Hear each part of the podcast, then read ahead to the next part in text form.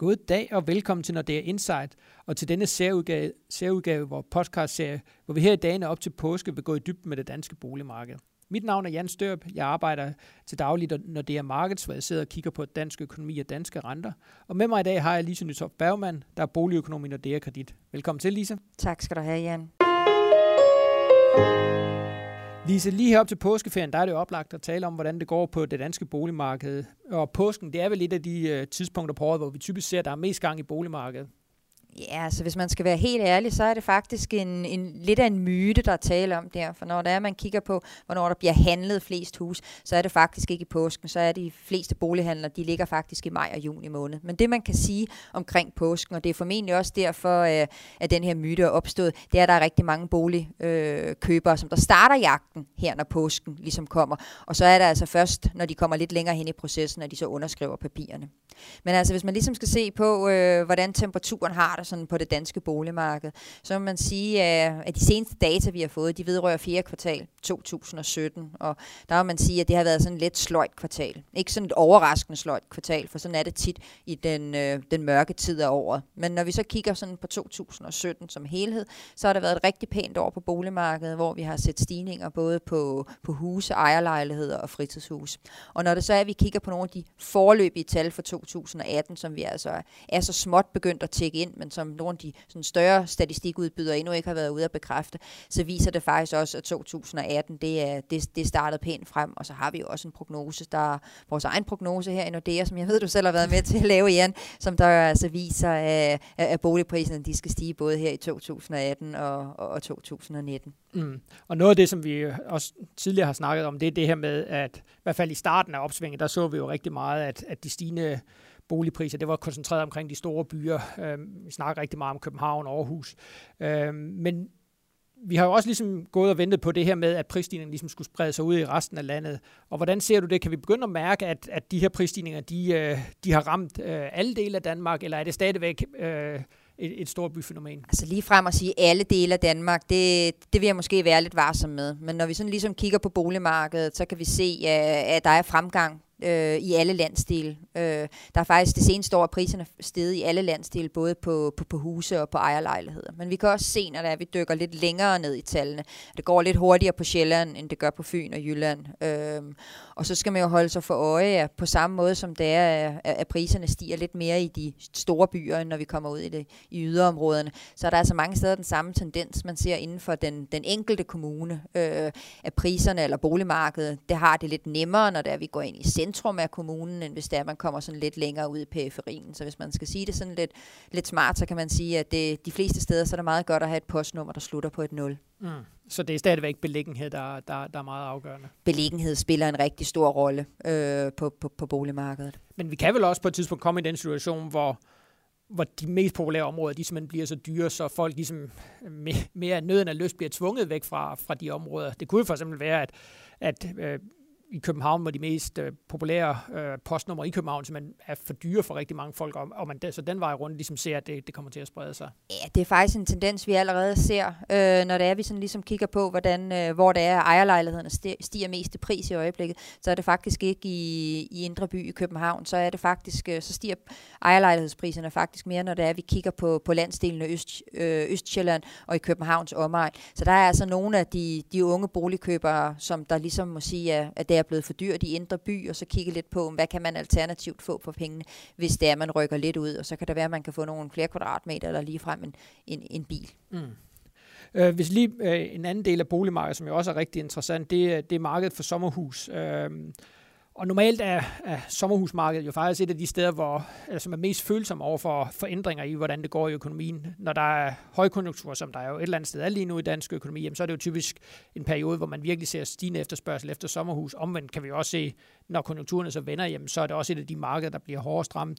Øhm, igen lige for at vende tilbage til påsken. Tror du, at, at vi også kommer til at se nu her øh, hen over foråret, at sommer, markedet for sommerhus kommer til at, at boome, øh, fordi det går så godt i, i dansk økonomi, som det gør.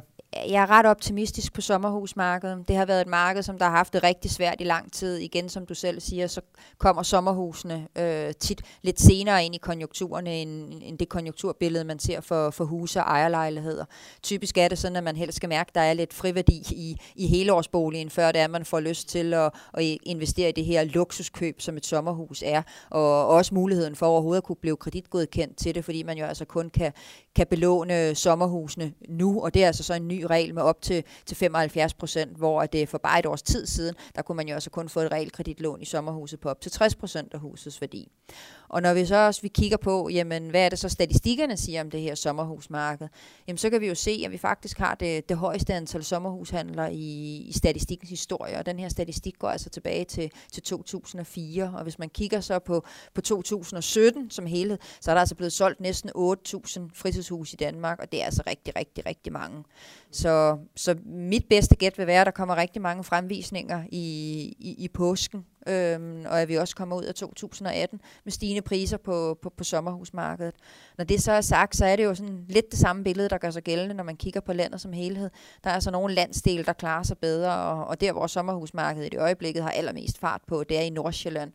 Og det er i bund og grund måske ikke så mærkeligt på grund af, at det ligger i forholdsvis kort pendlerafstand til den store gruppe af, af københavnske boligejere, som der altså har fået rigtig meget ekstra friværdi i takt med, at priserne de er, de er steget de seneste år. Men altså også, også pæne pæn udvikling i det resterende land, og derfor så er det også et optimistisk skøn for sommerhusmarkedet, som jeg har her i 2018.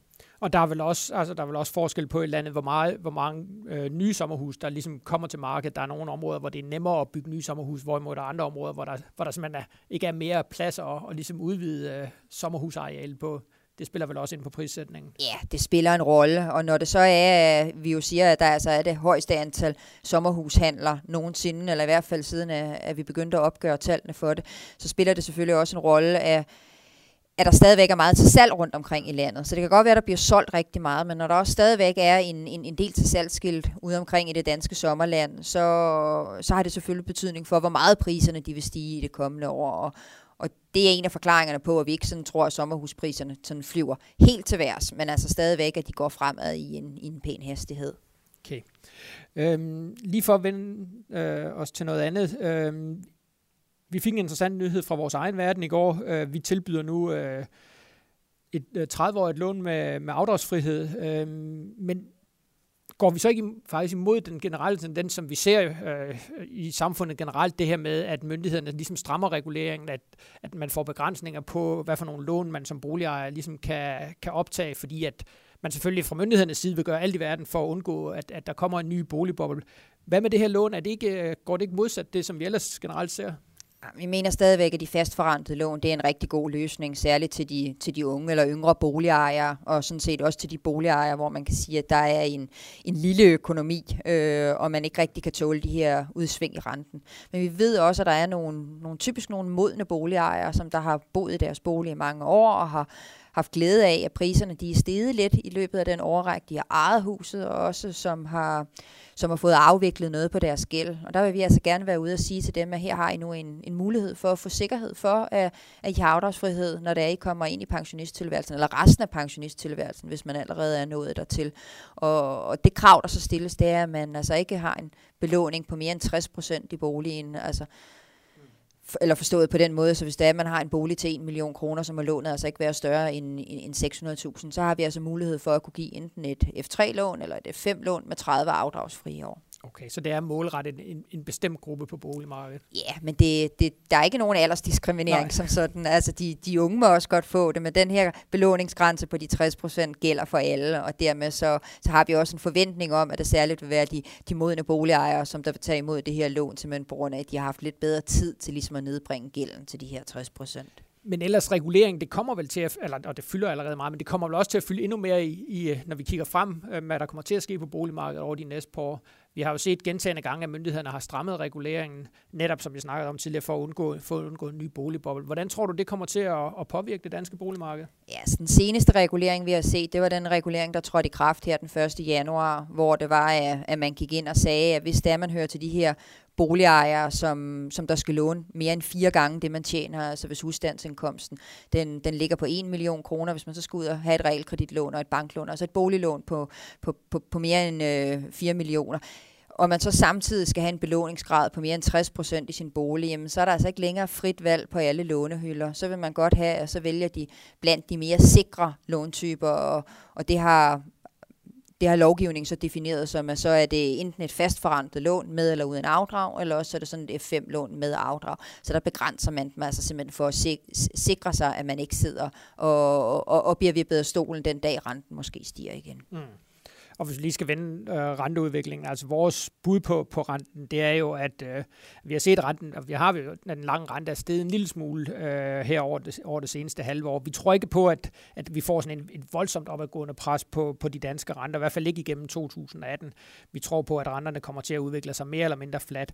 Men vi må så også sige, når vi kommer ind i 2019, når vi får den europæiske centralbank, der stille og roligt begynder at, at lægge an til at skulle stramme pengepolitikken, jamen så får vi et nyt opadgående tryk på, på de danske renter. Og det vil også det, der ligesom ligger bag vores, øh, den her anbefaling, som du snakkede om med, at, at optage et fastforrentet lån er måske ikke, måske ikke den dårligste idé, øh, netop fordi man kan få det stadigvæk, eller låse renten på, på meget lave niveauer stadigvæk. Altså et fastforrentet lån er i hvert fald den helt rigtige løsning, hvis det er, man tror på, at renten den, den, den vil stige, for så har man altså mulighed for at, at indfri sit lån til nogen færre penge nede i banken, end det man rent faktisk skylder. Og, og det kan altså have, have stor betydning, ikke mindst hvis man bor i et af de her dyre områder, hvor vi jo forventer, at hvis renten stiger, så, så vil det trykke boligpriserne lidt ned. Så det er vores overordnede anbefaling stadigvæk, det er de fastforrentede lån. Det er, det, det er en fornuftig måde at, at optage et realkreditlån Ja, så i hvert fald måske øh, også samtidig lidt advare mod den her tankegang, som der er jo nogen, øh, der har det her med, jamen, at man så lægger om til fastforrentet lån den dag, den dag, man ligesom ser, renten stiger. Øh, og det er i hvert fald, det er, det er i hvert fald svært at time, øh, hvis man øh, skal formulere det pænt. Øh, nå, Lise, øh, vi skal til at, og så småt runde af. Øh, hvad tænker du i forhold til, til priserne fremadrettet, sådan både øh, igennem 2018 og måske også på lidt længere sigt? Hvad skal, hvad skal vi forvente os? Ja, vi har en forventning om, at både 2018 og 2019 også kommer til at være nogle gode år på boligmarkedet. Men vi skal sammenligne dem sådan lidt med de foregående år, så tror vi dog, at, at tempoet bliver en smule mindre end det, vi har set i, i, i 15, 16 og 17. Men øh, nu, nu er det jo så selv, der har haft fingre nede i den her boligprisprognose også, og der, der er vi jo enige om, at vi, vi tror på, at boligpriserne de skal stige med cirka 3-3,5 procent her i 2018 og 2019. Og, og det er jo stadigvæk flot, hvis det er, man, man, man sammenligner med, hvordan den, den overordnede lønudvikling eller inflation er i øjeblikket. Er du ikke enig i det? Jo, helt sikkert. Øh, og hvis man så skal sige, hvad kan så øh, påvirke den her prognose, men det, der er ingen tvivl om, at renteudviklingen bliver ekstremt vigtig. Øh, der er også rigtig meget psykologi øh, sådan som vi ser det, og, og det er jo den, der altid er rigtig, rigtig svært, når man laver prognoser. Hvordan er psykologien? Lige nu er det vel stadigvæk sådan, at, at der er en positiv psykologi omkring, omkring boligmarkedet. Det her med, at de fleste folk forventer, at priserne kommer til at stige yderligere. Øh, og så er der regulering som, som den tredje faktor, man skal, man skal holde rigtig meget øje med. Uh, og lige som det aller, aller sidste spørgsmål, uh, hvad har du af, eller har du nogle gode råd til, til boligejere, der sådan, øh, eller bolig, øh, folk, der er interesseret i boligmarkedet generelt, øh, måske går i flyttetanker. Hvad, hvad, er det, man skal, hvad er det, man skal holde øje med, og hvad er det, man skal fokusere på? Øh. Altså først og fremmest, så skal man tænke lidt langsigtet. Øh, og det betyder både, når man er på boligjagt, altså gøre et grundigt forarbejde, inden det er, man ligesom beslutter sig for, hvad det er for en bolig, man skal bo i. Men også tænke langsigtet, når det er, man vælger sin, sin låntype nede i banken. For det kan se yderst fristende ud, at man kan låne 1 million kroner i Realkreditinstituttet for kun knap 800 kroner om måneden efter skat, hvis det er, man vælger den, den billigste og mest risikable låntype, men at man skal give næsten 4.000 kroner, hvis det er, man, man vælger et, et, et fastforrentet lån med afdrag. Men der er altså en årsag til, at der er prisforskel på de her låntyper, og man får et helt andet produkt, når det er, man vælger et fastforrentet lån. Tak for det. Tak fordi du øh, kom, Lise, og tak fordi I lyttede med, og på genhør i næste uge, uge og indtil da, rigtig god påske. thank you